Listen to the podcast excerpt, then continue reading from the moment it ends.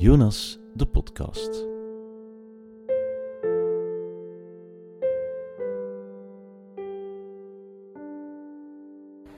Ik vond dat ook echt verschrikkelijk om van de ene wereld naar de andere te gaan. Dat was echt, dat was een hel. Ik weet dat nog goed. Als mijn ouders gescheiden zijn, hebben wij een groen, een limoengroen valiesje gekocht, waar dat ik elke week mijn spullen moest insteken.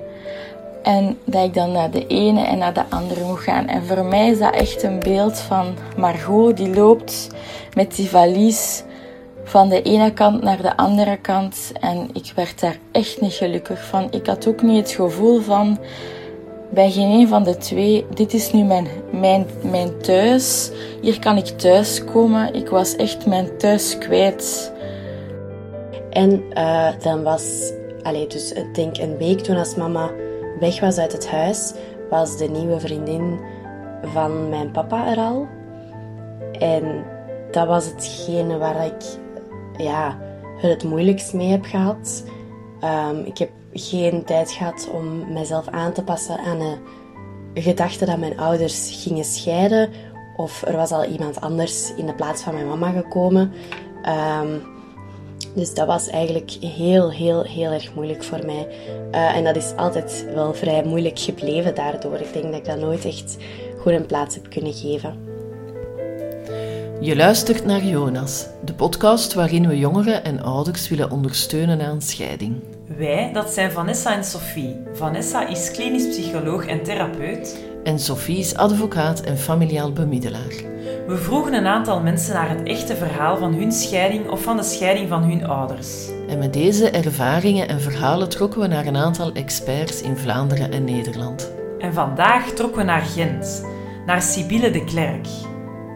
Zij is al jarenlang de coördinator van AWEL VZW en sinds kort is ze ook de directeur van AWEL. Daarnaast is ze werkzaam in het Hoger Instituut voor Gezinswetenschappen, Odyssee, en zij heeft daar actief meegewerkt aan een project dat een tool voor professionals heeft ontwikkeld om te helpen bij scheiding en gezinstransities. Eerder werkte ze ook mee aan het onderzoek Awel, ik ben in de war over de scheiding van mijn ouders. We zijn super blij dat we hier mogen zijn. Merci. Ja, we komen uh, hè, naar het Vergent. Naar het Vergent vandaag. Ja. De schoonste nee, nee. stad van het land. De schoonste. ja, voilà, oké, okay, dat mag gezegd worden. dan, hè. Uh, voilà, je zit de gast bij ons, uh, podcast Jonas, dat is jongeren en ouders ondersteunen na scheiding. We gaan het dus voornamelijk hebben over scheidingen. En eigenlijk is een beetje de vraag die we altijd stellen bij onze gasten is van, ben je zelf al in aanraking geweest met scheidingen, persoonlijk of in uw dichte kringen? Ja, ik ben zelf gescheiden. Dus ik denk, dichterbij kan het niet komen. Mhm. Het is ondertussen, uh, ja, naar aanleiding van vandaag, dacht ik van, hoe lang is dat nu geleden eigenlijk? Uh, het is tien jaar geleden ondertussen dat ik gescheiden ben. Uh, maar ja, het is iets wat dat wel nog altijd constant aanwezig is. Ook al was dat een scheiding die volgens de boekjes verlopen is, mhm. hè, waar, waar dat oké was eigenlijk, merk ik dat zowel ikzelf als ook mijn kinderen, ja, dat blijft een factor mhm. die er eigenlijk blijft meeslepen, om het dan zo te zeggen. Dat blijft toch wel iets heel aanwezig. Uh, uw leven is daar eigenlijk ook compleet op georganiseerd. Uh, ja. We lachten nog deze week, het ging over het begin van de week. En ik heb iets van, dat is voor mij de maandagavond. Want dan komen de kinderen toe of vertrekken ze naar hun papa. Ja. Dus mijn leven is eigenlijk georganiseerd op basis van het co-ouderschap. Ook mijn vergaderingen en zo. Ik plan die veel meer in de week dat de kinderen er niet zijn dan de week dat de kinderen er wel zijn. En... en als je zegt zo, volgens de boekjes, bedoelt je dan, we hebben dat via bemiddeling gedaan of een overeenkomst? Uh... Ja, ik denk dat we dat en dat is mijn dada dan, heel erg geprobeerd hebben in het belang van onze kinderen. Uh, dat we echt wel, ook al waren we heel kwaad op elkaar als partners, dat we eigenlijk wel geprobeerd hebben om voor ons twee meisjes dit zo goed als mogelijk te regelen. Ja. Um, en we voelden zelf van hier zit naar allebei toe toch echt wel wat irritatie. Um, en wij zijn naar de bemiddelaar geweest, tweemaal, uh, om de EOT op te stellen. En we zijn nog ene keer. Geleden. Ja, ja. ja, ja tien jaar geleden. Omdat wij beiden voelden van we hebben hier even een neutrale partner nodig om de dingen op papier te zetten. Uh, en dat zat hem in heel kleine dingen, waarvan je dan weet dat kan weer heel groot worden als we het hier niet over eens zijn. En wij zijn zes jaar geleden nog eens terug geweest. Ik uh, ben met mijn nieuwe partner verhuisd op 10 kilometer. Dus wij woonden in het begin heel dicht bij elkaar. Uh, de kinderen konden eigenlijk bij wijze van spreken te voet van het ene huis naar het andere huis. Ik woon nu op 10 kilometer ongeveer van mijn ex-partner. En dat was zowel voor mijn kinderen als voor mijn ex-partner toch wel weer zo wat... Mm Ja, dat, dat, was niet zo welkom. En dan hebben we beslist, we gaan nog eens terug naar de bemiddelaar om eigenlijk onze NEOT er ook nog eens bij te nemen. Van mhm. alles wat dat daar ooit was ingeschreven. Is dat nog wel actueel nu? Moeten daar dingen in aangepast worden? En we hebben nu onlangs ehm, de wisseldag teruggewijzigd, maar daar voelden we van, dit gaat ondertussen ook wel zonder dat daar een derde partij moet bijkomen. En als ik zeg, volgens de boekjes hebben wij eigenlijk heel erg geprobeerd ja, om voor de kinderen het zo makkelijk mogelijk te maken. Het zijn kofferkindjes, maar dat er in die koffer zo weinig mogelijk moet. Ja. Ehm, en wat dat mij heel erg bijgebleven is van bij de bemiddelaar, die heeft ons toen eigenlijk verteld van, weten, je gaat de kinderen, ze wisselen elke week, maar Zettinia van den Dorpel gaat bij elkaar binnen. En dat is eentje dat ik zo hard... Dat is iets heel klein. Maar waar dat de, ja, wij houden er nog altijd rekening mee. Wij gaan de kinderen nooit door iemand anders van het ene huis naar het andere laten brengen. En we zorgen er ook voor dat wij nog altijd even bij elkaar binnen gaan, zodanig dat de kinderen precies ja, de goedkeuring hebben om terug bij de anderen te zijn. Of... Hm. En het zit hem in heel kleine dingetjes en dat blijft ongemakkelijk aanvoelen. Hè? Mhm. Ik sta bij mijn ex-partner in de living zowel op mijn ongemakken en hij staat bij mij in de living zowel op zijn ongemakken.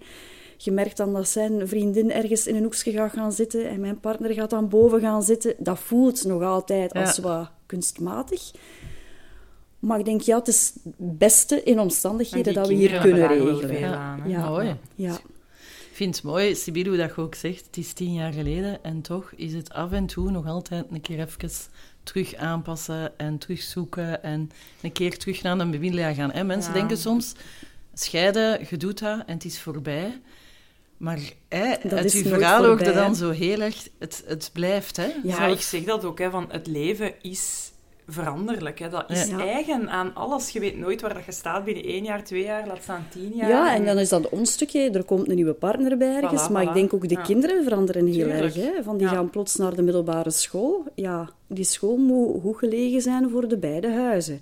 Kinderen krijgen andere hobby's. Ah, rekening houden van je moet er mm. vanuit de beide huizen geraken. Kinderen hebben zelf andere verwachtingen op, ook op de duur je merkt ook zelf, als je een kerngezin bent, dan komen ze ook voor problemen bij de ene ouder makkelijker aankloppen dan bij de andere. Ja, dat is niet anders bij kinderen van gescheiden ouders. Dus je moet bij elke ontwikkelingsfase ook echt wel rekening houden mm. van oké, voor hen is het ook terug anders. Ja, je voelt een keer dat ouders gescheiden zijn, wordt er door die een bril gekeken. Hè? Ja. Zo hoe vaak dat, dat je verhalen hoort, dat je denkt, ja, dit zijn gewoon kinderen die opgroeien en die hiervoor liever bij mama zijn en hiervoor Die mildheid heb ik wel heel erg geleerd naar mezelf. Van, ah, Ik ga echt niet alles gaan wijten aan... Och, mijn, mijn kindjes zijn Dutskus, want ze komen uit een scheiding. Ja. Ik denk, 95% van de issues die wij hebben die zijn gewoon eigen aan het leven. Zoals je anders misschien ook En er zit daar een stukje rond, ergens een keer een randje, dat dan verband houdt met die scheiding. Maar ik denk van, dat wij het een keer niet eens zijn, dat mijn oudste naar de fietssleutel weer eens vergeten is bij haar papa of zo. Oké, daar zit dat praktisch stukje van die scheiding in, maar ik denk, het is ook een puber die overal alles vergeet. Hadden wij nu nog onder één dak gewoond, dan was hem ook ergens vergeten. Dus die mildheid heb ik echt wel naar mezelf. Van, ik moet niet alles wijten aan de scheiding. Nee. Zeg, en als je dat zo zegt, hè, die mildheid naar mezelf, is dat nodig? Dat, vind jij dat, dat je dat als ouder hebt? Zo een mildheid naar jezelf? Want ik, ik, ja, ik kan het niet wegsteken dat ik een therapeut ben, hè, maar ik hoor daar dan zoiets in van... Ja, oké, mildheid naar jezelf, dat wil zeggen dat er ook iets anders onder zit. Zo. Ja, en ja, ik werk zelf hè, vanuit mijn job ook hè, naar kinderen en jongeren toe. En het is niet dat ik met een schuldgevoel zit naar mijn kinderen. Echt niet. Ook niet naar mezelf. Ik denk, dit is het leven. Ja. En sommige relaties houden geen stand. Dat is heel jammer dat dat gebeurd is. Maar ik voel mij daar niet schuldig over. Mhm. Maar je hebt ook nog een context. Dus ik voel wel van dat omgeving daar toch heel bepalend in is, hoe dat je daar ook zelf naar kijkt. En dat je je soms gewoon moet gaan verantwoorden voor dingen ja, waar dat ik denk van ik moet mij daar eigenlijk niet voor verantwoorden. Dit is gewoon hoe dat mijn leven gelopen is en dat is prima. Het is anders dan dat van kerngezinnen, maar het is ook oké.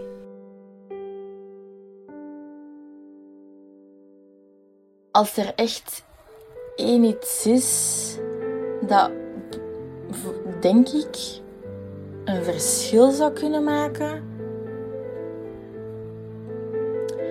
voor ouders en kinderen, dat is om verhalen te horen en hulpverlening te krijgen van mensen die dat hebben meegemaakt, zowel ouders als kinderen. Ik denk dat mij enorm zou geholpen hebben om toen op dat moment met iemand te praten. Een, een, een leeftijdsgenoot misschien. Of iemand die al ouder was, die dat wel al had meegemaakt. En te weten dat het oké is om niet oké te zijn. Om te weten dat je je gevoelens mocht uiten. Dat je je ouders mocht kwetsen en teleurstellen. Dat je mocht falen. Dat je mocht fouten maken. En dat geldt hetzelfde voor ouders. Zij, moeten, zij mogen ook fouten maken en, en, en hun gevoelens uiten. Als we dan zo de, de, de link maken hè, naar Awel, je, je, je zegt dan de scheiding uit de boekjes. Hè.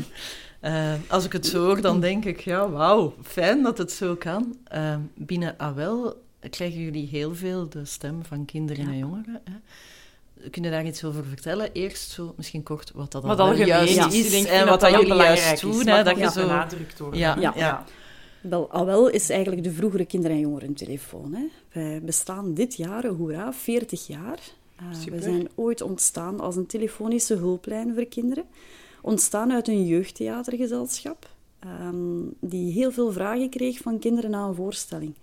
En dan hebben we er hier in Gent, voilà, alles, alles ontstaat in Gent, um, hebben die beslist van, oh, er is precies nood aan zo'n kindertelefoon. En dan hadden we eerst zo, echt zo een regionaal nummer waar dat kinderen konden naar bellen. En de jaren daarna zijn er eigenlijk overal ten lande van die initiatieven opgericht. En eind jaren 90 is dat ene VZW geworden, de Kinder- en Jongerentelefoon.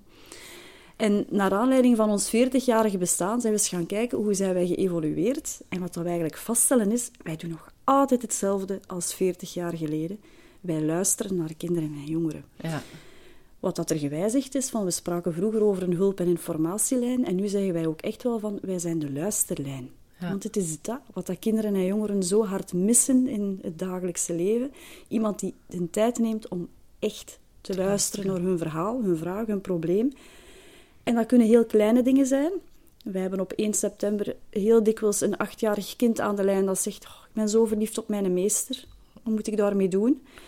We hebben 16-jarigen die voor het eerst alleen thuis zijn en die naar ons bellen: Ik wil een pizza opwarmen, maar ik vind niet hoe ik de oven moet opzetten. En we hebben evengoed jongeren die echt worstelen met ofwel een dipje, maar ook met zwaar suïcidale gedachten, depressieve gevoelens. Dus het is een heel brede scope van onderwerpen die we krijgen. En we hebben ook beslist tien jaar geleden van ja, kinderen en jongeren telefoon dekt nu ook de lading niet meer. Want we zijn ook veel meer online actief dan vroeger. Ja, het is dat ook wel vragen die We willen daar zijn waar dat kinderen en jongeren zijn. En ja, ik denk iedereen die uh, kinderen heeft, weet wel van die bellen niet zo rap niet meer. Uh, die hebben allemaal een telefoon, maar dat is een smartphone en ze zijn daar vooral online mee bezig. Dus um, we hebben toen beslist van, we zijn ondertussen 15 jaar geleden begonnen met een chatservice. Uh, we hebben ook e-mail en we hebben een interactief forum. Eigenlijk kunnen ze ons dus bereiken via vier verschillende mogelijkheden. En vandaar dat we ook voelden van ja, kinderen en jongeren, telefoon, dat dekt de lading niet meer. We hebben een nieuwe naam nodig. En ik vind nog altijd dat het de beste naam is die we konden vinden. Ah wel. Dat ah wel, ik heb eens een vraag. Ah wel, zeg het een keer. Kan ook, hè. Ja, ja en heel veel kinderen beginnen ook echt wel met ah wel. En dan zo'n, soms een heel diepe zucht erachter en dan komt dat verhaal. Dus het, ja, het is een typisch Vlaams woord, maar het is echt om aan te tonen van ah, bij ons zijde welkom om even dat pakje hier te komen leggen. Ja. Zonder andere verwachtingen te scheppen buiten dat luisteren. Ja, Voilà. En dat zijn vrijwilligers, hè? Maar wie, ja. Dat, dat, uh... ja um, wij hebben op vandaag een vijfhonderdtal vrijwilligers die de oproepen beantwoorden. Dat zijn mensen allemaal met een heel groot hart voor kinderen en jongeren, met een zeer goed luisterend oor. En voor het overige is dat een heel diverse groep. Ja. Um, onze jawellers zijn tussen de 16 en 18 jaar en dat zijn degenen die het forum beantwoorden. Dat zijn mhm. echt peer-to-peer, dat is echt ja. Uh, ja, lotgenotencontact. Uh, en dan onze beantwoorders op e-mail, chat en uh, telefoon. Ja, die zijn tussen de 18 en ik denk onze oudste vrijwilliger is er nu 78. En wij hebben heel veel leerkrachten of sociologen, pedagogen, mensen echt wel uit de sociale sector die vrijwilliger zijn. Maar we hebben evengoed bankbediendes, vrachtwagenchauffeurs die aangeven van ik wil in mijn vrije tijd dus iets helemaal anders gaan doen dan mhm. waar ik overdag mee bezig ben. Maar super. En dat is net de grote meerwaarde, maar ook voor kinderen die, die met ons contact opnemen. Het is een gesprek van mens tot mens. Ja, en, en daar van kind ook... tot hulpverlener. Voilà. En daar zetten wij heel hard op in. Wij zijn die nulde lijn. Wij zijn er echt voor het gesprek. En als er verder hulp nodig is, dan kunnen wij warm doorverwijzen. Ja. betekent van als een kind echt aangeeft van ik word hier zwaar mishandeld thuis, gaan wij altijd in eerste instantie het gesprek gaan voeren met het kind. Maar gaan we dan ook gaan zoeken hier zou eigenlijk verder hulp nodig zijn, mogen wij jou bijvoorbeeld warm doorverwijzen naar een vertrouwenscentrum kindermishandeling. Wat dat dan betekent dat wij meteen ook een afspraak kunnen inplannen in de chat bij een VK. Ja. Maar je gaat zelf niet contact opnemen? Enkel bij echte noodsituaties. Als we echt vaststellen van hier is acuut gevaar mhm. en het mhm. kind is ermee akkoord, dat we een verdere stap zetten, dan gaan we dat doen. Ja. Maar in de meeste gevallen, um, er zijn weinig crisissituaties bij ons aan de lijn. Heel dikwijls is ze worstelen ergens super lang mee. En dan hebben ze plots ontdekt dat er iets bestaat als een anonieme lijn waar je kunt naar bellen en waar dat eigenlijk geen gevolgen aan zijn. Hmm. En meestal willen ze voor de eerste keer hun verhaal doen en zijn ze ook helemaal niet toe aan verdere hulpverlening. Hmm. En is het prima dat er gewoon een vervolggesprek kan zijn dan bij professionals die wel de verdere stappen kunnen zetten. Hmm. En op jaarbasis voeren wij zo'n 30.000 gesprekken met kinderen en jongeren. dagelijks. Hè? Ja. dat is eigenlijk nog maar het piekje. Want er komen helaas nog altijd veel kinderen in de wachtruimte van onze chat of de bezetting ah, van de telefoon. Dus we merken van... Het toch de nood, hè? Hoe, ja. hoe en, en, en hoe... hoe uh het is toch opvallend dat kinderen daarvoor naar iets anoniem bellen. Hè? Dat maakt het misschien net gemakkelijker. Legt een drempel heel laag, het voelt heel veilig, maar het zegt ook iets over de ratreis. En ik ben zelf ook mama, hè, waar dat we in zitten en waardoor dat als ouder soms ook niet de tijd neemt om echt te luisteren. En waar dat een kind dan ergens iets gaat gaan zoeken waar dat het wel dat ei kan leggen. En ik denk van die 30.000 gesprekken is nog altijd ons toponderwerp, is de ouder-kindrelatie. En dat gaat zowel over uh, kinderen die aangeven van... Dat gaat over zakgeld. Uh, dat gaat over... Um, ik mag iets niet van mijn ouders. Ik mag maar uitgaan tot één uur en ik wil tot drie uur uitgaan. Hoe kan ik dat gesprek gaan voeren? Maar daar zitten ook nog steeds heel veel gesprekken in van kinderen waar dat de ouders ja, veel ruzie maken. kinderen van gescheiden ouders, nieuw samengestelde gezinnen. Ik ben naar aanleiding van ons gesprek vandaag eens gaan kijken, hoe zat het nu vorig jaar? Uh, en we hebben vorig jaar iets van een 1800 gesprekken toch gevoerd, nog rond, rond het thema scheiding. Ja. ja.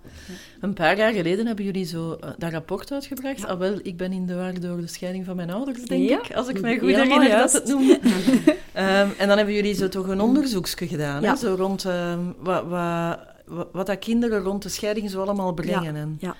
Het is ondertussen geleden van 2013, de gesprekken die we toen hebben geanalyseerd. Dus de rapporten, ja, de tijd gaat snel. Maar het is nog altijd brandend actueel. Wat dat erin staat, zou ook vandaag kunnen geschreven zijn.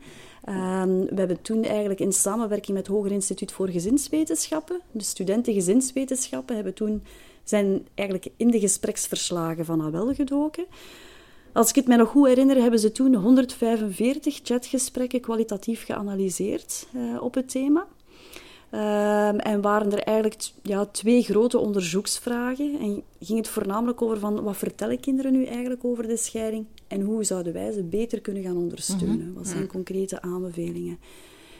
En je zegt daar al een titel, Dat zeggen ze vooral. Hè. Ik ben in de war. Mhm. Ik ben in de war door de scheiding van mijn ouders. Eh, het is zo hard aanpassen aan de nieuwe omstandigheden. Ik had het er daar net ook over van ik ben zelf gescheiden. Ik merk dat ook nog altijd bij mijn kinderen. Van elk gezin is weer anders. Wat dat bij de papa misschien wel mag. Heel simpel, hè, op blote voeten rondlopen in huis. Bij ons thuis moeten ze dan sloeven aandoen. Dat is elke week moeten die de klik maken. Is dat de aanpassing? Helemaal in het begin dat ik gescheiden was, vroeg mijn dochter aan de ontbijttafel, mag ik nog een tweede boterham met choco? En ik weet nog dat ik dacht, sinds wanneer mocht jij hier nu geen tweede boterham met choco? En dan zei ze, ja, bij papa mogen wij er maar eentje en dan moeten we iets anders eten. Dus die moeten elke week die klik maken. Tuurlijk geraakte wel eens in de war. Van wat dat in dat huis mag, mag in dat, in dat andere huis dan weer niet. En het zit hem in soms heel kleine dingen. Ja, ja. En dat is ook wat dat heel veel jongeren die naar wel bellen of chatten, echt aangeven van, amai, pff, het is gewoon super lastig om iedere keer weer die klik te gaan maken. Een ander iets wat dat heel erg uit de gespreksverslagen kwam, eh, was dat vooral conflict is dat weegt op jonge schouders. Het is niet zozeer de scheiding, maar het is wel, als er nog blijvend ruzie is, zelfs na de scheiding, wat dat we bij hoogconflictueuze scheidingen toch wel eh, heel veel zien, daar hadden ze eigenlijk voornamelijk het dan heel moeilijk mee. Dus nog niet zozeer van ik heb twee huizen nu, eh, want we merken inderdaad van bij 80% van de kinderen is denk ik is er een normale aanpassing. Bij die 20% is net het feit van dat er nog altijd ruzie is. Hè. Mama en papa gaan uiteen omdat ze niet meer met elkaar kunnen vinden. Ze zijn nu uiteen en toch maken ze nog ruzie over dat paar schoenen dat ik nu wil. Moet papa dat nu betalen of moet mama dat nu betalen? Dus we merkten ook, er zat heel dikwijls ook een financiële component in. Niet alleen het psychische dat lastig is, maar ook dat kinderen echt wel wat verscheurd worden. En van, ja, ik heb eigenlijk gewoon een nieuwe boekentas nodig. En ik mag, de ene week moet ik de boekentas gebruiken die ik bij papa heb gekregen. En de andere week de boekentas die ik van mama heb gekregen. Eigenlijk vind ik die een boekentas die ik van papa heb gekregen veel leuker. En ik vind dat echt niet fijn dat ik altijd mijn spulletjes moet versteken. Dus dat was ook iets wat dat heel fel naar boven kwam, dat het vooral dat conflict is waar dat ze het heel lastig mee hebben. En zo het dan mogen zeggen waarschijnlijk. Hè? Van, mag ik nu tegen papa zeggen dat ik die Ja. boekentas misschien minder Ja. leuk vind? Zonder hem te kwetsen. Ja, Die loyaliteit is zo groot. ja. Eh, en dat is Die ook wat dat ze... daarmee. Hè. Ja. Dat is ook heel dikwijls van, ik wil mijn mama niet kwetsen. Mhm. Maar ik zou het fijner vinden om. Ja. Soms zit daar gewoon een heel pra- praktische reden in ook. Van, weet je, de jeugdbeweging ligt nu gewoon iets dichter bij papa. Ik zou het gewoon fijner Ah, wel, vinden om ja. in het weekend bij papa te kunnen zijn. En dat heeft niks te maken dat ik niet bij mama wil zijn. Maar mama voelt dat wel zo aan.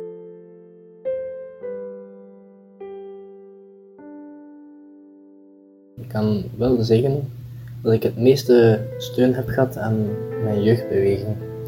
Dus ik zit in de KAJ, waar dat wij in 2014 ook hebben gewerkt rond het thema echtscheiding bij jongeren. En eh, we hebben dan ook een werkgroep samengesteld. Dus dan eh, was ik eigenlijk omringd met lotgenoten. Ehm, dus jongeren die ook eh, in een scheiding zaten of hebben gezeten waardoor ik daar wel mijn verhaal kwijt kon en ik wel het gevoel had dat ik daar begrepen werd en, en gesteund werd. En dat heeft wel veel gedaan, dat heeft bij mij ook wel ehm, mij laten nadenken over mijn, scheiding, eh, de scheiding van mijn ouders en over wie dat ik ben, wie dat ik wil zijn en hoe dat ik met dingen moet omgaan. Ehm, dus daar heb ik wel heel veel aan gehad door eh, omringd te zijn met lotgenoten en erover te kunnen praten. Ik- Als ik je zo dat ook zeggen, van, het is niet zozeer de scheiding, maar vooral dat conflict dat het voor kinderen lastig maakt. Wat zeggen ze daar dan zo letterlijk over, als je dan zo naar die gesprekken... Hè? Want ik, vind dat, ik blijf dat zelf een hele moeilijke vinden om dat aan ouders uit te leggen. Ja.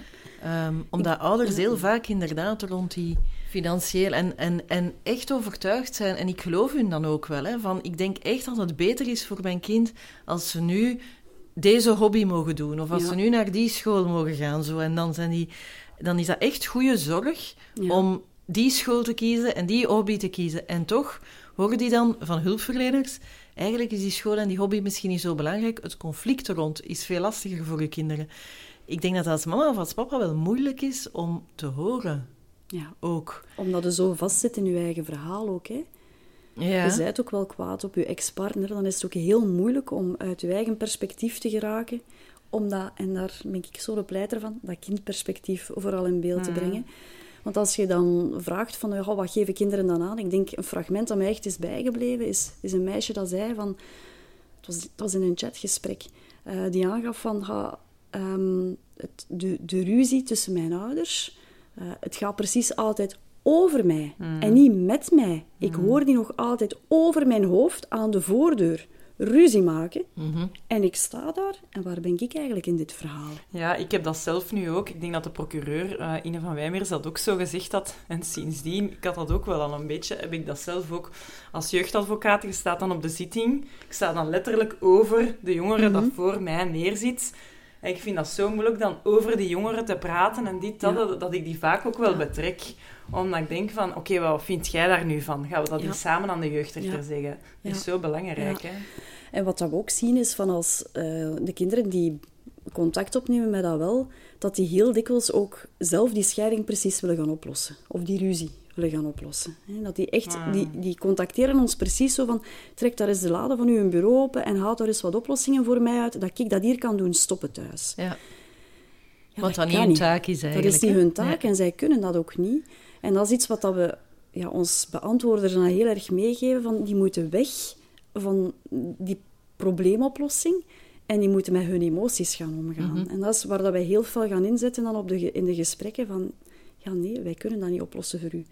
Je gaat hier niet de telefoon inhaken en weten hoe dat jij die ruzie tussen je ouders kunt gaan oplossen. Dat is niet uw taak. Dat is niet uw verantwoordelijkheid. Mhm. Maar wij kunnen wel samen met jou kijken hoe dat we misschien een klein beetje minder verdrietig gaat zijn als het nog eens gebeurt. Of wat dat jij misschien aan je mama of papa kan zeggen dat met u doet. Mhm. Dus we gaan heel erg ze proberen taal te geven om toch mhm. ergens dat alarmbelletje bij die ouders te doen rinkelen van maar dit is niet oké wat dat er hier aan het gebeuren is. Mhm. Ja, ik moet dan denken, hè, dat oplossen, kinderen en jongeren zullen dat misschien heel graag willen. Ik denk dat uh, er ook een hele race hulpverleners en maatschappij en advocaten en rechters zijn die dat heel graag willen en die daar ook tegenaan lopen. Hè, van hoe lost dat op, zo, het conflict tussen ouders? Dus ik kan me voorstellen, als kind kun je alleen maar falen. Hè? Ja. In die taak die eigenlijk niet uw taak is. Het is niet uw taak. Dat moet ontlast worden bij u. Ja. Dat is denk ik eerst nummer één. En dat schuldgevoel ook wel wegwerken, want dat zullen ze ook wel mee te maken hebben en denken... Zeker. Het is ruzie over mij weer. Ja, en... want heel dikwijls gaat het over de kinderen, hè, de ruzie. Zijn, zijn zij echt onderwerp. Dat is ehm, natuurlijk ook het enige waar de ouders nog via verbonden zijn. Hè? De andere dingen zijn vaak geregeld. En zeker als het al een beetje langer geleden is. Dus het enige waardoor dat je nog met elkaar in contact komt, zijn de kinderen. Dus dat kan ook niet anders dan dat over gaat. Ja, en ik zei dat net al, ook heel die in context zit daar nog rond. Hè. Soms kunnen als ouders nog nou proberen hun best te doen, maar wordt er ook wel wat olie op het vuur gegooid door mensen die eromheen zitten. En ook dat voelen kinderen aan. Van ik mag plots niet meer naar die oma of opa. Of ik moet op woensdag elke week naar ginder er zit, een, er zit een hele omgeving rond die er ook wel bij betrokken is. En het zal even lastig zijn voor grootouders die ook plots mhm. hun kleinkinderen minder kunnen zien. En Het is allemaal heel begrijpelijk dat mensen het er lastig mee hebben. Het is wel bijzonder jammer dat het kind er steeds de dupe van is. Ja. Zeg je dan, Sibyl, hè, ehm, er wordt over de kinderen gesproken en te weinig met de kinderen gesproken. Zeg je dan, ouders zouden terug meer met hun kinderen moeten spreken? In een ideale wereld zouden ouders meer met hun kinderen moeten spreken. En ik denk, als ze dat zelf niet kunnen, dan moet er gezocht worden naar een vertrouwensfiguur die dat wel kan. Ah, ik denk ook, we moeten ouders... Het is gewoon heel lastig in een scheiding zitten. En soms mhm. zijn die zo kwaad dat die dat gewoon niet kunnen. Maar dan denk ik wel dat het belangrijk is dat er iemand anders in die omgeving van het kind zit. En dat, dat kwam ook uit het onderzoek van AWEL. kwam heel duidelijk naar boven dat het voor kinderen superbelangrijk is om gewoon een vertrouwensfiguur te mhm. hebben. En dat kan een vriend zijn, dat kan iemand van op school zijn, dat kan iemand uit de buurt zijn, maar iemand die geen kant kiest voor mama of papa. Ja, waar dat ze niet in het gedrang komen met die loyaliteit en waar dat zij echt gewoon zelf op verhaal kunnen komen. Waar dat ze kunnen zeggen wat dat met hen doet, zonder rekening te moeten houden van wat gaat mama daarvan vinden, wat gaat papa daarvan vinden. En, ik spreek nu de tijd over mama en papa. Het kan even hoe zijn de twee mama's of de twee papa's. En kan dat ook al wel zijn in zekere zin? Van kijk, zijn, zien jullie veel bijvoorbeeld jongeren die op regelmatige tijdstippen terugkomen en opnieuw chatten en zeggen van oh, ik kan mijn verhaal hier eigenlijk echt wel goed aan kwijt. We zien dat zeker. Ehm, en dat kan ook. Hè. We zijn er voor het eenmalig gesprek, maar men mag altijd terugkomen bij ons. Wat dat wij En zolang dat, er, dat we voelen van het lucht op, hè, we hebben ook affiches met, al wel, dat lucht op. Um, zolang dat we dat gevoel hebben, dan kan het. Nu, we voelen soms ook dat kinderen echt afhankelijk worden van onze luisterlijn. En dan gaan we echt gaan zoeken van wie zit er nu in jouw nabije omgeving. We gaan dat zelfs echt gaan oefenen in het gesprek. Van kijk, alles wat dat hier nu aan mij verteld hebt, stel nu dat je dat morgen aan uw tante zou gaan vertellen. Hoe gaat je dat doen? Gaat je dat alleen doen? Gaat iemand meenemen? Dus we gaan ze echt wel bij de hand nemen om in hun nabije omgeving toch echt wel die vertrouwensfiguur te gaan zoeken en hopelijk vinden. Ja, ja, ja. ja. ja. ik vind dat ehm, heel opvallend. Ehm, ik denk dat ouders in scheiding heel vaak niet met hun kinderen praten over de scheiding uit schrik, omdat ze... Om ze te beschermen? om ze te beschermen, maar ik denk dat... Ik, ik merk dat soms aan ouders dat bij mij komen ook zo van... Kan ik dat vragen aan mijn kind? Ze hebben zo vaak gehoord... Je mocht je kind daar niet bij betrekken. Hè, je mocht je kind daar niet tussen zetten. En dat wordt dan zo precies wat vertaald in... Je mocht er niet met je kind over spreken. Ik denk, je mocht je kind niet gaan betrekken in die ruzie. Maar je moet het kind net wel betrekken bij alles wat er geregeld en afgesproken moet worden levenslang. Ik denk dat daar een heel groot verschil zit. Je moet die ruzie niet gaan projecteren op het kind. En daar laten ze inderdaad best buiten. Maar het is wel superbelangrijk om kinderen net wel te gaan betrekken bij al wat er afgebeurt. Want mm. daar zijn zij zelf, daar, zij zijn het voorwerp daarvan. Mm. Maar dan gaat het vooral over, met wat moeten wij allemaal rekening houden? Hè? Wat, wat heb jij nodig? Wat vind jij leuk? Ja. ja. En jullie geven dan ook een beetje die handvaten aan die kinderen, aan de jongeren? Zo van, kijk, hè, de taal, wat je daar net zo zei, van... Probeer er een keer met je mama of papa of eender wie eens over te praten. Ja we gaan ja, eigenlijk wat dat ze ons durven toe te vertrouwen, omdat wij net anoniem zijn, wij zijn geen betrokken partij, gaan we met hen dan gaan oefenen. Wat als je dat nu morgen ah, toch aan je mama zou willen vertellen? Hoe ga je dat doen? Ga je dat vertellen zoals dat je dat nu aan mij verteld hebt? Of ga jij daar toch nu andere taal voor gebruiken? En wat heb jij nodig om dat te durven vertellen aan, aan je mama? En hoe komt het dat het niet durft te vertellen? Maar het eerste wat wij altijd gaan doen, is echt gewoon dat kind ernstig nemen en bij dat verhaal van dat kind blijven. Ja.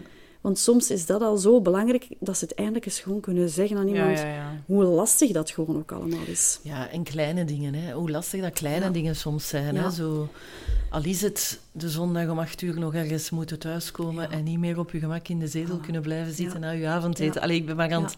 Zo, het zijn soms kleine dingen die voor volwassenen bagatellen lijken of zo. Mhm. ik wil er eigenlijk wel heel schoon op inpikken, want ehm, iets wat dat ook uit het onderzoeksrapport was, uh, kwam, was... Ze willen dat heel graag delen met jongeren die hetzelfde meegemaakt hebben. als jij zegt van volwassenen kunnen zich dat niet altijd inbeelden, mm. was een van de grootste aanbevelingen die eruit kwam. Ja, het lotgenotencontact. Ja, ja. Van ik wil eigenlijk gewoon met jongeren die hetzelfde meegemaakt hebben, mijn verhaal kunnen delen. En die gaan ook het antwoord niet hebben. En die gaan ook de oplossing niet hebben. Maar weten, die gaan mij verstaan. En ik ben niet mhm. alleen. Ja. En het is normaal dat ik mij zo voel. Dat normaliserende ook van... Weet het ligt niet aan u hè, dat jij dat lastig vindt. Ja. Het is normaal dat dat lastig is. En die herkenning en die herkenning ook. Uh, dat was een van de grootste zaken die daaruit kwam. En wij, merken nu, wij hebben toen zelfs beslist als... Ah wel, wij hadden al een forum op onze website... Mhm. Maar dat werd beantwoord ook door volwassen beantwoorders. En dat waren zo ons e-mailbeantwoorders die, als ze er nog wat tijd over hadden, ook wel modereerden op het forum. En we hebben naar aanleiding van dat onderzoeksrapport toen beslist van, amai, hier ligt echt een heel grote, belangrijke vraag. Peer-to-peer support. Daar, moet, daar moeten we op inzetten. En we hebben daar echt een interactief forum van gemaakt. Echt een plek voor en door jongeren. Ja.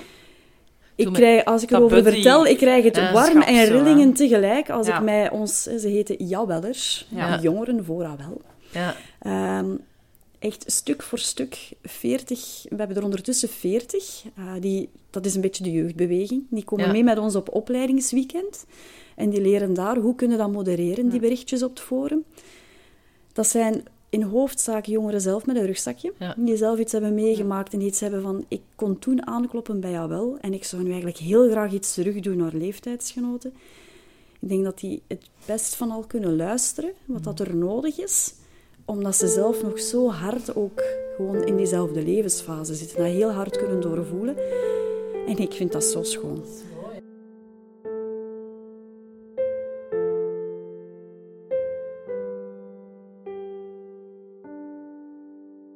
Voornamelijk ehm, omdat ik niet echt gehoord werd. Dus ik heb uh, een aantal keren de situatie aangekaart.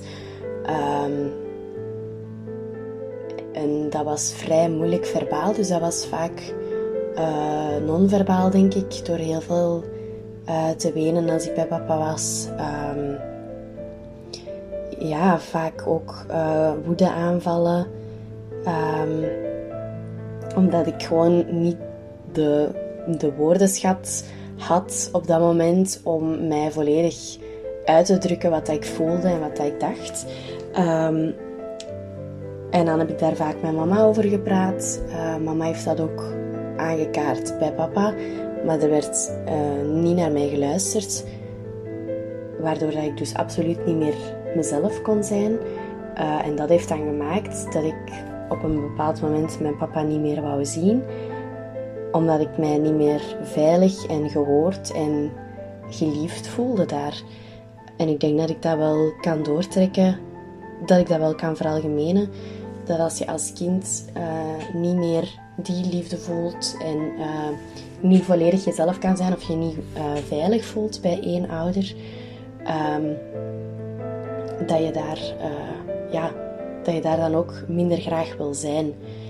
Um, ik denk zeker dat ouders daar iets aan moeten doen door naar hun kind te luisteren en samen naar oplossingen te zoeken uh, waar het kind zich wel beter bij voelt.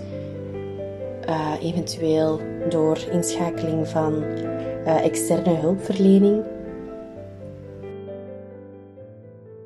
Merken dat dat van een immens grote meerwaarde is. En ja, ons jawel gaat over alle mogelijke thema's. Maar ja. we merken alles rond seksualiteit, alles rond pesten en alles rond scheiding. Dat zijn de topthema's ja. daar. En dat blijken echt wel die dingen te zijn waar ze net heel veel waarde hechten aan de mening van leeftijdsgenoten, aan de herkenning daar krijgen en ja, dat dat een heel belangrijke plek is voor hen mm. om even te kunnen landen. En je ziet dan dikwijls van die berichtjes die daarop verschijnen van amai, ja, weet ik, ik vond het weer kei lastig om van het ene huis naar het andere te moeten wisselen. En de reacties die zijn zo hard verwarmend zonder... Nog eens, hè, ze moeten zij blijvend verhuizen van dat ene huis naar dat andere. Hè. Daar, mm. daar kun je niks aan veranderen. Maar het feit dat ze voelen van, ah, ik ben niet de enige die dat voor heeft, en ik mag dat ook echt kak vinden om dat te mhm. moeten doen, dat kan al heel veel helpen, dat stukje erkenning en herkenning. Ja, En daar willen we eigenlijk als dat wel ook, ook heel veel blijven op inzetten. Van, we kunnen de dingen niet, niet gaan veranderen, maar we kunnen het wel een beetje draaglijker maken. Dus je merkt ook van soms hebben rond bepaalde onderwerpen, willen jongeren ook net niet met een volwassene gaan praten. En is dat heel lastig om dat zelfs aan een luisterlijn te gaan uitspreken. Mm. Mhm. En dan is zo'n interactief forum, bijvoorbeeld ook rond scheiding, waar je voelt van er zitten zoveel randjes ook, scherpe mhm. kantjes ook rond, wel veilig om het daar wel even te durven neerleggen. En waar, waar dat we ook een veiligheidszin rond het thema is van ook al durven ze het zelf niet vragen of zichzelf niet kenbaar maken, ze komen heel veel lezen. Ah, ja. We zien dat, dat zijn de thema's waar er ook heel veel gewoon gelezen wordt. En is alles dan anoniem? Of zijn er ooit bijeenkomsten van al wel? Omdat ik zo spreek, allee, van dat buddy wel, allee, het is niet echt volledig dat, maar toch die jongeren. Ik weet niet dat er nood aan is om, we komen een keer samen en we praten erover. Daar is nood aan, maar wij beslissen als organisatie om bij ons een core business te blijven. ja, uh, Dat dat iets is waar dat we, we willen... We voelen dat wij net zo'n veilige plek zijn, doordat dat anoniem is dat heel veel, als we vragen aan kinderen en jongeren, kennen dat wel en kunnen ons daar iets over vertellen, dan is een van de eerste woorden die ze gebruiken anoniem. Hmm, dus dat is een hele belangrijke en we willen dat eigenlijk, dat is ons heilig huisje, daar eigenlijk ook niet, niet aan rammelen. Maar jawel, er komt zeker een vraag van ons jawellers. Hmm. Die, ook, die zitten vol wilde ideeën. Uh, en daar is zeker een vraag van, hou zo'n praatgroep. Of, we gaan nu kijken, het nieuwe projectje dat we nu gaan opstarten volgend jaar is een peer-to-peer chat. Ja waar dat ze dan ook echt wel hè, live met elkaar kunnen communiceren. En we zouden willen beginnen met rond bepaalde thema's zo'n peer-to-peer chat te doen. Um, en ook, ook daar voelde heel grote nood van, ja, maar ja, dan gaan we toch moeten weten wie dat die een andere is.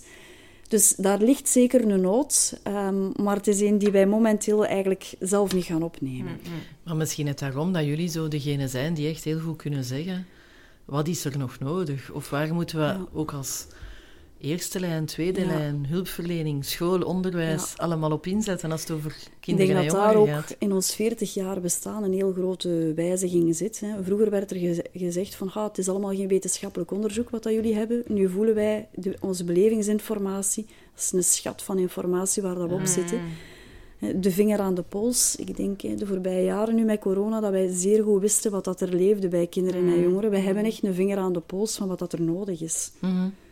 Ja, ik kan mij ook voorstellen dat net doordat het anoniem is, kinderen hoeven niet bang te zijn dat ze een keer klagen over hun ouders of dat ze iemand kwetsen of dat ze...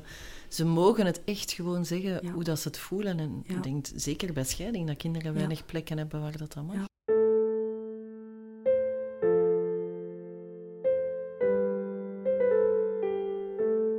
Jonas, de podcast.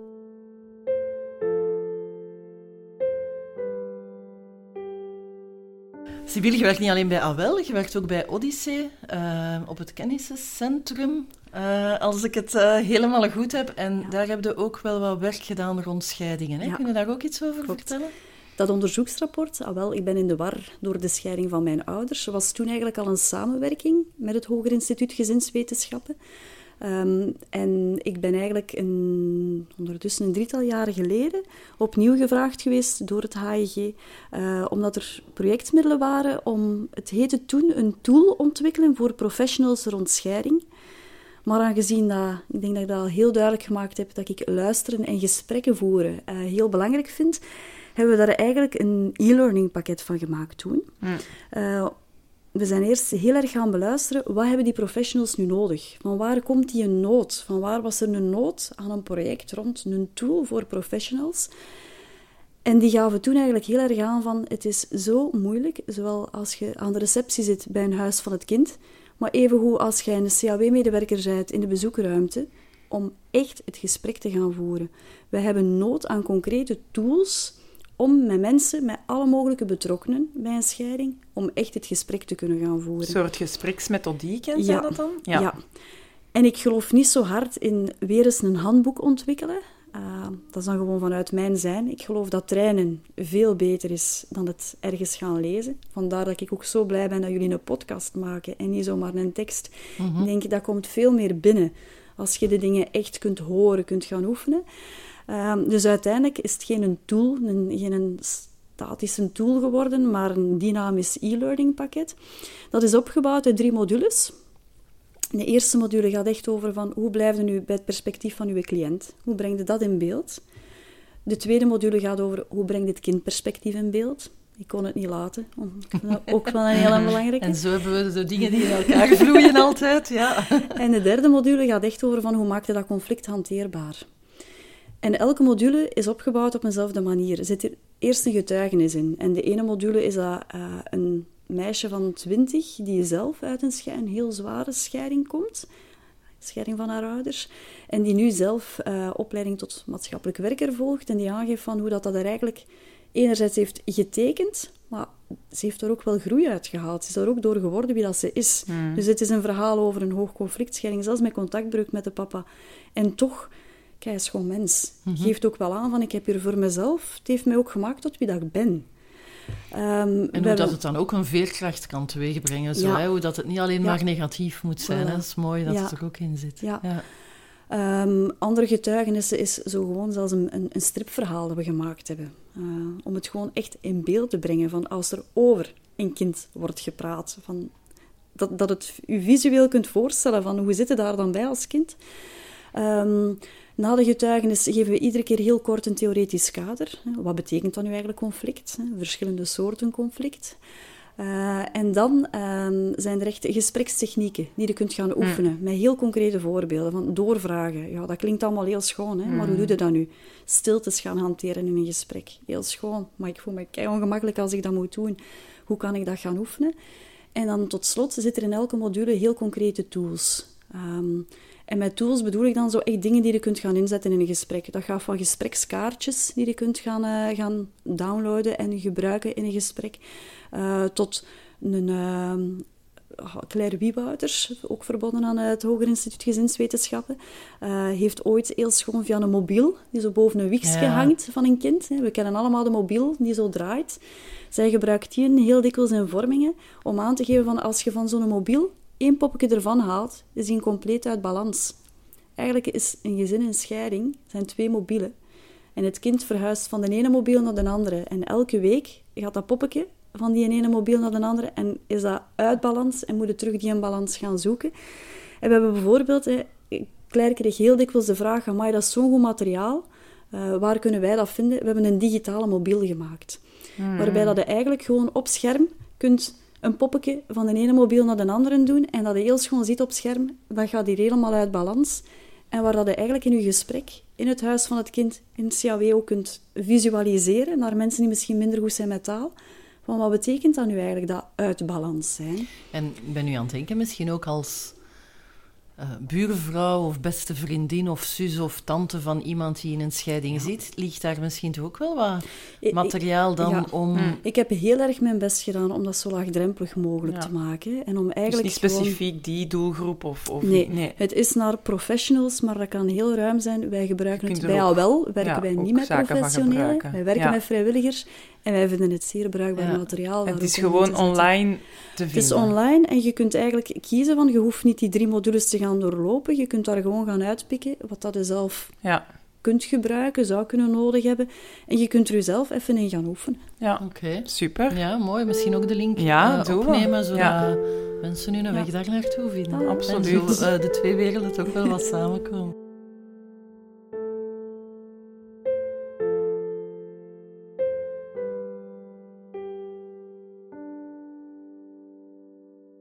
Ik zou ook wel graag gewild hebben dat er mij toen iemand verteld had dat ik mijn papa wel mocht blijven zien. En, en graag mocht blijven zien, ondanks wat er allemaal gebeurd was en ondanks het verdriet van mijn mama.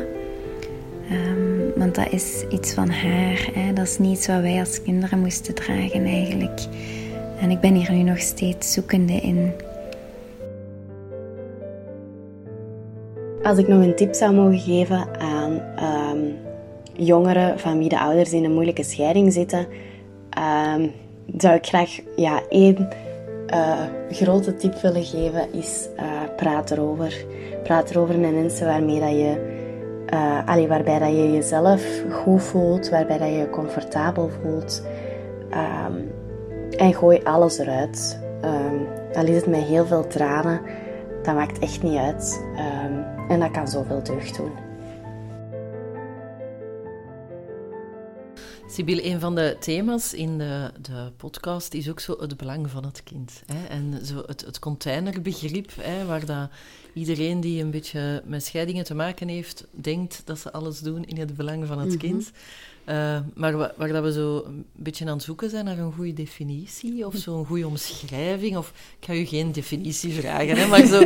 ik ben geen wetenschapper. Nee, nee, dus, maar, misschien is die er ook niet. Misschien is dat wel de definitie. Maar gewoon zo, als je nu zo vanuit die opgroepen en vanuit zo mhm. uw ervaring van een BAWL, wat zijn zo voor u kerndingen in het belang van het kind? Ik vind dat een, een heel moeilijke ook om die te pakken te krijgen. Ze. ik denk, waar we het daar net ook over hadden, dat het betrekken van het kind, dat voor mij daar wel een stuk van de sleutel ligt. Uh, dat je niet over het kind, maar met het kind gaat praten. En dat je die echt als een volwaardige actor gaat gaan zien en zo niet als passief slachtoffer van een scheiding. Zo Dat Tutske dat hier een scheiding moet ondergaan. Nee, ze zijn gewoon onderdeel van. Ehm, dus dat is voor mij wel een hele belangrijke als het gaat over het belang van het kind. Ehm, en als het dan gaat over, eh, je, je, moet echt met het kind en niet over het kind gaan praten, denk ik ook. We hebben allemaal nog zoveel te leren hoe je dat doet, praten met elkaar. Uh, we denken dan, door een keer te vragen van, wilde jij daar of daar wonen, dat onze opdracht is volbracht. Maar het gaat wel dieper dan dat. Er zijn mm. verschillende lagen in een gesprek. En ik denk dat we daar ook echt moeten op inzetten als het gaat over een kind echt centraal zetten in ons gesprek. Mm -hmm. um, zeg je dan eigenlijk het belang van het kind is dat, het, dat er geluisterd wordt? Ja. Oké. En ja. als echt, geluisterd echt geluisterd. Echt geluisterd. Ja, verschil. En ja. Mag ik daar eens over vragen van welke leeftijd plakt dat daar dan op? Want ik denk dat veel mensen daar zo mee worstelen of zeggen, ja, maar vanaf die leeftijd dan... Wij hebben bij jou wel kinderen aan de lijn tussen de 6 en de 25 jaar. En ja, je zult je gespreksmethodiek wat gaan aanpassen. Als je een zesjarig kind hebt, buiten dat je een 18-jarige aan de lijn of op het scherm krijgt. Maar ik geloof echt dat het zowel met de 16-jarige, het is zelfs moeilijker met een 18-jarige soms in gesprek gaan. Mhm. Maar het is een andere manier van gespreksvoering. Maar er wordt nog veel te snel ingevuld van, kinderen kunnen dat niet. Kinderen kunnen zoveel. Mm Zolang dat ze maar echt beluisterd worden in hun taal. Nu, als ik... Ik zie veel ouders in een conflictscheiding, hè, waar dat het dan echt al helemaal Ja. eh, moeilijk aan het lopen is. En ik, als je zo zegt, luisteren, echt luisteren naar kinderen, en, en kinderen weten heel goed waar dat over gaat en wat dat ze willen en wat dat ze nodig hebben, dan denk ik heel spontaan aan een groep ouders ehm, die toch ook wel het gevoel hebben dat kinderen soms dingen zeggen onder invloed van anderen. Hè? En waar dat je zo... ehm, ik denk nu aan kinderen die heel luid roepen, ik wil u nooit meer zien. Hè? Ehm, praten en luisteren naar die, naar die taal van kinderen is toch ook wel heel moeilijk. Want ik kan me voorstellen dat kinderen soms toch ook heel beïnvloed worden door heel veel wat dat ze horen. Ik denk dat kinderen soms het niet meer... In, in hoogconflictscheidingen kinderen soms ook zelf niet meer weten wat dat ze willen. Wat Ja. dat zij willen.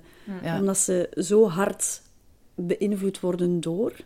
ehm, en zelf die keuze eigenlijk niet meer kunnen maken. Van Ja. wat wil ik nu eigenlijk? En vandaar hè, hebben we het er daarnet ook al over.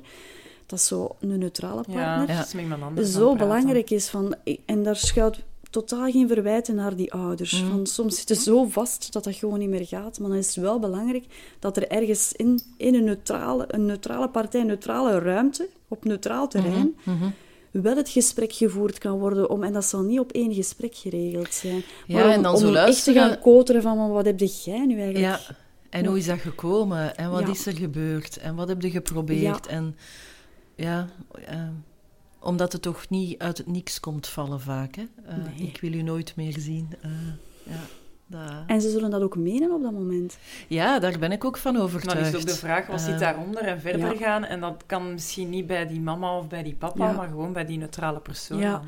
Want die mama of papa zit met zijn eigen pijn ook. Hè? En Mm. dan moeten horen van uw kind van ik wil u nooit meer zien. Ja, dan, gaat, dan voelde een Ja. weerstand. Uw weerstand wordt alleen maar groter. ja. En jullie hebben waarschijnlijk ook wel vragen van zulke kinderen die zitten van ja, ik zie mijn mama niet meer of ik zie Ja. mijn papa niet meer. Die daar ook nog mee blijven worstelen. Ja. En die, ja, die dan ook wel aangeven van het is waarschijnlijk het beste zo, maar ik mis die wel hard. Ja, voor mij is dat een vorm van overlevingsstrategie. Allee, zo zeggen ze het Ja. niet, maar dat zal misschien wel Ja. zo zijn. Maar, En ik ja. moet vooral zorgen dat ik hier nu hè, in het huis bij mijn mama niks over papa zeg. Ook dat moet toch bijzonder Constant lastig opletten. zijn. Van Ja. die, hè, die is daar nog ergens, maar die mag daar precies niet meer zijn. Mhm. Hoorde ook kinderen die bellen en zeggen... Ik moet nog gaan, maar ik wil eigenlijk niet. Ja. Ja. Ja. En hoe kijken jullie daar dan naar? Onvoorwaardelijke aanvaarding. Hè? Onvoorwaardelijke aanvaarding. Oh, zo moeilijk. Ja, ik heb daarnet gezegd van je hebt de hoogconflictscheidingen, maar ook ja, gezinnen waar er heel veel ruzie is. Dat is vergelijkbaar. Hè? Kinderen, het is vooral echt die ruzie die weegt. Kinderen willen niet opgroeien in een klimaat waar dat er gescholden wordt op elkaar. En dan zullen die inderdaad misschien op school ook wel een keer in ruzie beginnen schelden op een ander, want het is wat dat ze thuis horen en zien, hoe dat er met elkaar wordt omgegaan. Ja. Ja, wij voelen dan toch ook zo, hè, je hebt het ruzie maken en het mijnenveld. Hè. Zo, Ja. het, er wordt geen ruzie gemaakt, maar ik voel aan mijn voelsprieten Ja. dat er een aantal thema's zijn dat ik niet mag bespreken. En dan, in mijn context, zie ik dan ouders die zeggen, "Goh, ik moet hier bij u zitten van de rechter, want je zegt dat ik in een vechtscheiding, noemen ze dat dan zelf, eh, zit. Maar wel vechten is, wij maken eigenlijk geen ruzie. En je voelt zelf de spanning en, en het mijnenveld dat ze binnenbrengen als het nog maar Maar dat is het meest moeilijke om dan mee aan de slag te gaan. Hè? Van als, er, als er echt gescholden wordt op elkaar, kunnen mensen heel makkelijk confronteren daarmee. Maar als je aan alles voelt, van, er zit hier van alles, maar Mhm. er wordt gezegd, er is helemaal niks, wordt dat heel moeilijk om daar het gesprek dan mee te gaan voeren. En toch voelen kinderen dat, hè? Kinderen Sponsjes, hè? Ja. Ja. En ze kennen hun ouders, hè. ze voelen Ja. ook wanneer dat die verkrampt geraken, Ja. als het over een bepaald thema Ja. gaat. Hè. Ja. En gaan soms bepaalde taken dan gaan overnemen die helemaal niet voor hen zijn. Hè. Gaan dan boodschapper gaan zijn van... Een, en dat Mm, hebben we ook in heel veel gesprekken. Hè. Ja. Die zijn dan de boodschapper tussen Mm. papa en mama. Hè. Papa en mama babbelen niet met elkaar, maar er moet wel gebabbeld worden met elkaar, want ik moet opgevoed worden in twee huizen. Ja, Dus ik, ik moet ben de boodschapper. school, of ik moet kiezen welke hobby ik ga doen. En, Ja. Dat ehm, echt luisteren naar kinderen, zou je dat eh, vanuit hè, wat dat je gehoord hebt in de gesprekken met wel ook doortrekken naar rechters? Moeten rechters ook wat meer luisteren naar de kinderen? En Ja. heb je daar zo een idee van, hoe dat ze dat dan best Ja. organiseren? Want ik denk nu, ja, hè, er is hoorrecht, hè. En, en het is vanaf 12 jaar, ja, hè. Ja, Ehm, Ja. Ik was aan het twijfelen. Ehm, Ja, waar dat ik denk dat van... het uitzonderlijk Ja. kan gevraagd worden voor. Ja. Maar dat blijft voor jongeren dan terug in de context van de rechtbank. Eh, Ja. ook al hè, weet ik van, men doet zijn uiterste best om dat niet zomaar ergens in een grote zaal te gaan doen. Beeld je eens in dat als twaalfjarige met een rechter moet gaan babbelen. Mhm. Ik denk dat daar zeker ook nog een uitdaging ligt van hoe kunnen we ervoor zorgen dat dat, dat, dat ook zo dichtbij mogelijk bij een kind of een jongere is. Van dat dat in een omgeving is die veilig voelt. En dat er ook op dat moment echt wordt geluisterd. Van dat kan, en bij jonge kinderen moeten we misschien eerst wel over iets helemaal anders babbelen. Hè? Mhm. Om dan nu een ingang te vinden en niet direct zo van, ja, wat zou jij nu willen in die scheiding? Mhm. Ja, dat gaat niet komen. We merken ook van het vertrouwen moet eerst. Je kunt maar een goed gesprek hebben als je alle twee veilig voelt en als het vertrouwen er is. Ja, op En een half uur op veilig worden. voelen, dat is ook heel moeilijk dan weer. De hè, gesprekken maar- die wij voeren bij AWEL aan de telefoon Ja. duren gemiddeld 20 minuten. Ja. Ja. En het, wij hebben een vijf-stappen-model dat wij doorlopen. En de eerste stap is vertrouwen scheppen. Ja. Wij gaan daar heel gaan... En dat kan soms met één zinnetje zijn... Amai, supermoedig Mhm. dat jij hier nu belt met ons. Ja, ja, De rechter zou evengoed kunnen zeggen... Amai, super spannend, heel moedig dat jij met mij hier dat babbelke wilt doen. Het zit hem soms in zo'n kleine dingen. Maar dan voerde echt een gesprek en probeerde echt wel uw hand op die schouder te leggen. En ga, al is maar dat je ernaast gaat gaan zitten, ook uw fysiek, van hoe ga je gaan zitten. Het is geen ondervraging. En ik denk dat we met... zo- Iedereen doet het met zijn eigen mogelijkheden, uiteraard. Maar dat er wel kleine dingen zijn waar dat we wel kunnen rekening mee houden.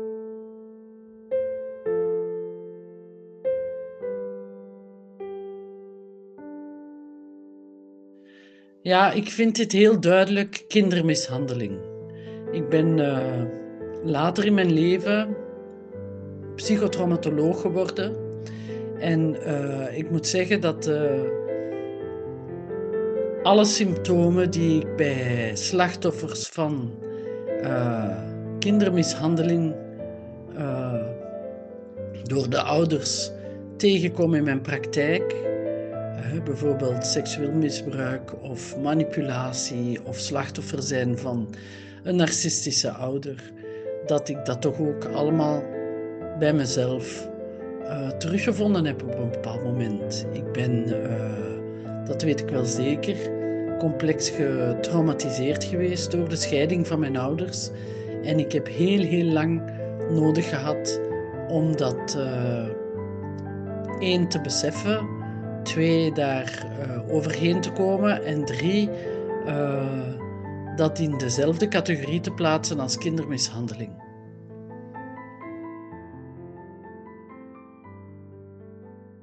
In eh, de moeilijkere scheidingen, de hoogconflictscheidingen, gaat het dan soms over naar een jeugdrechter. Hè? Mhm. Oh, niet meer alleen familierechtbank, maar ook jeugdrechter. Wordt soms ook al eens vertrouwenscentrum kindermishandeling Mhm. betrokken. Hè? En, en wordt zo, ja, soms wel al eens gezegd, hè? Een, een opgroeien in een hoogconflictscheiding is mishandelend of is verwaarlozend voor kinderen. Eh, we hebben die vraag ook voorgelegd aan een aantal mensen. Die eh, antwoorden waren wat divers. Hè. Sommigen zeiden, ja, ik vind dat ook. Anderen zeiden, nee, dat is veel te streng. Hoe zie jij dat vanuit altijd, hè, die positie of die bril van de kinderen en jongeren? Ik durf daar zelfs de felle uitspraak over doen dat ik dat zeker mishandeling vind. Een Ah, kind dat moet opgroeien in constant het mijnenveld, zoals het daarnet noemde, of zelfs in heel duidelijke ruzie, dat is echt niet oké. Uh, Ja. En ik vind dat inderdaad, dat mag naar een VK doorgaan. Oké, maar Ja. dat is duidelijk. Ja, Ja, Maar ik vind Ja. dat wij daar ook duidelijke standpunten in Ja. hebben gekregen eigenlijk, Ja, van de gasten ook. Hè? Ja. Ja. Als we zien wat dat, dat doet met kinderen, dan denk ik, ja, dit, dit is echt niet oké voor uw ontwikkeling. Ja, en dan, dan zeg je vooral als we zien wat dat opgroeien in conflict doet. Hè? Ja. Ja. Dan heb ik het niet over enkel... Ik heb het niet over opgroeien en scheiding. Nee, ik wou het ook nog even benadrukken. Absoluut niet. Nee. nog eens, ik vind niks fout met opgroeien en scheiding. Het is anders, maar daarom is het niet minder goed dan opgroeien in een kerngezin. Maar opgroeien in constant conflict, in constant geruzie, dat vind ik echt wel niet oké voor kinderen. Ja. En dan merkt ook van hoe wat dat, dat wij, wij, krijgen soms, wij verwijzen soms door naar een VK als wij een kind aan de lijn hebben dat in zo'n situatie zit. Hè. We gaan dat effectief, of warme doorverwijzing, die is niet enkel omdat een kind meer dan een pedagogische tik krijgt thuis. Gaat ook echt wel over van, je zit daar in een context die gewoon niet veilig voelt, omdat, omdat er constant geruzie is bij je thuis. Ja. Ja. ja. ja. ja. ik vind ook dat kinderen voel, Ik voel dat ouders het zelf heel erg uh, zwaar ervaren als, uh, als, uh, als die term valt. Ehm, ja, omdat het ouders kiezen hier ook niet voor, hè, om in die situaties vast, geraakt, vast te geraken. Ik zie vaak ouders, hè. Ik vind dat altijd, ik blijf dat zo belangrijk vinden om af en toe met mensen te spreken die veel de kinderen en de jongeren zien, om dat, dat zo niet te vergeten. Ja. Maar ja, ouders vind... lijden even hard, hè? Ja, en, en tuurlijk lijden die even hard. En ik denk ook hun perspectief is even goed belangrijk. Hè. Zij mogen van mij ook kijk kwaad zijn op elkaar, hè. maar niet ten koste van het ja, kind. volledig akkoord. Ja. Ja. Ik denk van, tuurlijk mogen jij teleurgesteld zijn, kwaad zijn. Je mocht van alles voelen. Maar projecteer dat alsjeblieft niet op je kind, want je kind is niet de schuldige ook hij of zij kan er niks aan doen. Nee, ik merk zo dat ze uh, die een term kindermishandeling vooral moeilijk vinden als het gaat over je houdt iets mee in stand. Vaak kunnen ze wel zien dat wat er met een andere ouder gebeurt mm. kindermishandelend is. Mhm. of dat, dat een andere ouder blijft strijden mishandelend of verwaarlozend is. Maar het feit dat ze dat zelf mee in stand houden, dat is een, een hele moeilijke om, om, om te ervaren. Het is wel dat je zegt. Uh, en dat is eerst even bij dat perspectief van die ja. ouder aansluiting gaan vinden. Want ja, we kunnen er alle boeken wijzen, maar de eerste beslisser buiten een tweede beslisser is al helemaal iets anders. Mm. Geef mensen ook tijd. We moeten ook niet van ouders gaan verwachten dat dat... Nee. Dit is een rouwproces waar dat door moet, ook als ouder. Ja, ja, ja. Mildheid voor iedereen, denk ik. Hè, zo, maar, maar ik ben wel akkoord, als je vertrekt vanuit de kinderen ja, ouders moeten hierin ouderen, hè? dus ze moeten vertrekken vanuit de kinderen en niet vanuit het eigen stuk. En ik hoop door nog meer bemiddeling op de kaart te zetten, dat je dat preventieve stukje neemt. Want uiteraard, dan spreken we over uh, zaken die dan in hoog conflictscheiding zijn, die al veel verder zitten, jeugdrechtbank. Dan is het moeilijker is het hè, om dat te sleutelen. Uiteraard, kan wel, dat, dat, doen we en dat proberen we wel. Maar door inderdaad meer dat preventieve stuk, en dan gaat het nooit, mogelijk nooit zo ver geraken. Of toch niet de meerderheid van de gevallen, wat dat nu ook niet is. De angel moet er soms vroeger uit gehaald worden. Hè? Ja. Ja. want hoe mooi is het voor een kind als je zo op je proclamatie je twee ouders hebt. Ook al zijn die dan al tien jaar gescheiden. Hè? Um, of, of uh, dat, dat, ouders dat nog samen kunnen doen. Hè? Als, we, als we zo met z'n allen daarvoor kunnen zorgen. Ja, is toch, uh, ja. zo wel schoon, schoon hè? Ja. ja, ik denk dat we ook altijd zo vragen aan, aan onze gasten hier van... Goh, zijn er nog zo wat tips of zo? Of concrete... Allee, of iets van advies, misschien voor u specifiek voor de jongeren? Ik ja, zo, zo. Stel dat er nu een jongere aan het luisteren is. En, en die dan ook zo de madame van Awel. Ik moet surfen naar awel.be. Maar zijn er zo nog tips van, van onthoud dit? Ja, ik denk onthoud vooral dat je er niet alleen voor staat. Durft uw verhaal ook te vertellen. Zoek iemand die je vertrouwt, waar dat je uw verhaal kunt aan vertellen. Uh, dat onschuldigen een stuk, hè. Mhm. Van blijf daar niet alleen mee zitten en durf, durf het te delen. Dat vind ik wel een hele belangrijke naar de kinderen mhm. toe. Want dit is niet jouw issue alleen. Durf dat te delen en, en durft hulp te zoeken. Ja. ja, dat is een mooie, hè. Zo durft bij Awel of in uw omgeving. Ja, en de schaamte voorbij, hè? Want kinderen schamen zich ook om in die situatie te zitten. Ja. Dat is niet fijn om te zeggen van... Oh, het gaat niet goed bij ons thuis, of ik voel mij niet goed. Daar zit ook wel een laagje mhm. rond die weten, de schaamte voorbij en durf maar zeggen waar je het lastig mee hebt. Ja, ja. ja, maar dat gaat toch ook over zo de visie. Je moet dat dan maar zelf regelen. En dat jullie gescheiden zijn, daar hoeven wij geen rekening mee te houden. Maar daar was als kind wel de dupe van. En daar zijn kinderen, maar dat zie ik dagelijks En wij werden daar alle twee heel ongemakkelijk van. En, en mijn ex voelde zich dan nog aan betand van, ja, ik had die mail niet gezien, ik had iets van weten. Als je een uur van tevoren een mail sturen, echt niet erg dat je dat niet gezien hebt. Maar het zou gewoon, als we alle twee zouden krijgen, zou het misschien gemakkelijk zijn. Ja, ja. En je merkt dat anderen dan wel weer heel erg hun best doen. Van, eh Farah gaat naar de logo momenteel. En daar werd echt expliciet gevraagd door de logopediste van, "Goh, moet ik jullie alle twee in het groepje opnemen? En we hebben zo'n WhatsApp-dingetje om. Dus daar werd wel echt gepost van, "Ha, is het nodig? Of communiceren jullie onderling? Vind het fijn dat jullie... Dus die, zonder dat daar enig waardeoordeel of zo... Ja, het is aan het dan wel, veranderen, allee, dan Ja. wel, maar Maar de kinderen Nog worden er nog iedere keer Ja. op die manier wel mee geconfronteerd. Een stukje vanuit een maatschappelijke kijk toch Ja. ook. Hè? Een stukje vanuit van eh, als ouders uit elkaar gaan, is dat hun verantwoordelijkheid. Ja. En zij moeten het maar regelen. Maar het zijn wel de kinderen die de last Ja. hebben. Hè, als het gaat over je moogt maar twee stoelen kiezen eh, bij je plechtige communie op de eerste lijn. Ja, kinderen die al jaren in twee gezinnen groeien, hoe doe je dat? Hoe, hoe Ja. kiezen ze twee stoelen? Wij hadden het gewoon nog voor nu, met eh, het zesde leerjaar nu, lagere school. Van, eh, ja, we mochten nog geen afscheid naar aanleiding van corona. Het mocht niet in de zaal, dus het was met z'n allen op eh, de speelplaats. Er was een bubbel per gezin. Je wilt niet weten hoe dat mijn kind stond te twijfelen. Van, Ah ja, moet bij ik nu ik in een bol gaan staan bij papa of in een bol bij mama? Want ja, de papa Eens was daar met de nieuwe vriendin, want hè, die haar kinderen zitten daar ook op school. De Ja. worsteling die dat kind op dat moment had. Gelukkig dat wij zoiets... Je kunt van de ene bol naar de andere lopen, hè, meisje. Helemaal oké, hè. Maar dat die school... Want je kon ook niet met z'n allen in één bol gaan staan. Dat was Nee. niet gemaakt om er met twee gezinnen in te gaan staan. Ja. Geen rekening gehouden met. Ja, maar dan neem ik dat toch mee, ja. zo het, Ja. het, eh, naar, naar de politiek en naar de maatschappij, zo afstemmen op de veranderende gezinsvormen. Ja. Ja, Ja. allee, dat is dan misschien eerder mijn advies dan dat van u. Hey, vanuit, ik kan niet zeggen vanuit de gesprekken bij jou wel dat ik die aanbeveling doe, maar vanuit persoonlijk aanvoelen, vanuit Ja. persoonlijke ervaringen, denk ik ja. Ja, Daar is er zeker nood aan om veel meer ook daar. En dat, dat, dat vraagt niet veel, hè. nee, dat denk ik ook niet. meer al die reflex, die Ja. mindset. Hè. Ja. Ja. En denken vanuit een kind. En Ja, dan Denken spreek ik wel vanuit dat ja, wel. Voilà. Ja, super. Dat is een mooier om mee af te Nee, sluiten, denk ik. eh. Echt heel goed. Voor mij is het ook wel... Allee, ik heb al wel beter leren kennen, zo. Ik vind het echt wel fijn. Ik vind, eh, Wij zijn super tof. Ja. ik vind de website ook heel goed, trouwens. Ik had daar, Ja. daar voordien, uiteraard kende ik jullie wel. En dan toch om zo'n keer zaken door te nemen en over dat luisteren... Heel goed uitgelegd. Dat is echt heel mooi. Ja. Dat zijn zo wat dingen die dat ik soms gebruik voor mijn bemiddeling. En dat waren echt zaken die dat ik heel goed vond. Echt waar. misschien nog wel. Wij hebben zelf een podcast gemaakt rond luisteren vorig jaar tijdens de Mm, coronapandemie. omdat wij heel veel... Wat dat we, hè, wij zijn er voor kinderen en jongeren, maar wij kregen, kregen heel veel ouders, opvoeders aan de lijn die het zelf ook niet meer goed wisten. Mm.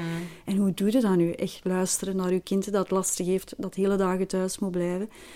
En we hebben vier podcasts gemaakt over van, Ja, met concrete dan luistertips. Een, een link, Ja, een link. We gaan Als zeker je ons een link bezorgt. doen. Ja. Ja. Moet jullie wel een breder netwerk hebben dan wij, maar een link naar die podcast ook eh, op de, op de. Facebookpagina Ja. zetten. Super. Super. Goed, Sibyl, Merci. dank u wel. Dat Ja. we Jullie dank u wel. Het was dit- een fijne babbel. Ja. deze voilà. middag mochten komen doen bij Ja. u. Eh, altijd leuk om zo dat perspectief van de kinderen nog eens te horen. Ja. En zo belangrijk. Ja, Ja.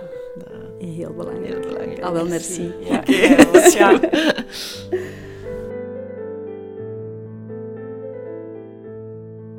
Dit was een aflevering van Jonas, de podcast. Hopelijk hebben jullie er ook iets aan gehad. Zijn er nog vragen of bedenkingen? Laat gerust iets weten. Wij hebben een Facebookpagina, Jonas. Jongeren en ouders ondersteunen na scheiding. En laat dus maar uw feedback achter. Ja, en is er een expert waarvan jij denkt dat we die ook zouden moeten uitnodigen of dat het interessant zou zijn om een gesprek mee te hebben? Geef ons dan zeker ook een seintje via onze Facebookpagina. Klopt. En uiteraard willen we ook nog wat mensen bedanken. In de eerste plaats zijn dat de jongeren en ouders die hun verhaal hebben gedaan en hun ervaringen hebben gedeeld met ons. Is dankzij jullie eh, dat wij deze podcast konden maken. Daarnaast uiteraard ook de experts zelf. Die hebben de tijd genomen en die hebben ons echt wel nog wat meer inzichten gegeven. Ja, en als laatste natuurlijk de mensen die ons wat technisch geholpen hebben voor het maken van deze podcast. Dat zijn in eerste instantie TLD Compositions voor de muziek en Jelle Kools voor de verwerkingen van alle opnames achteraf. Alvast bedankt.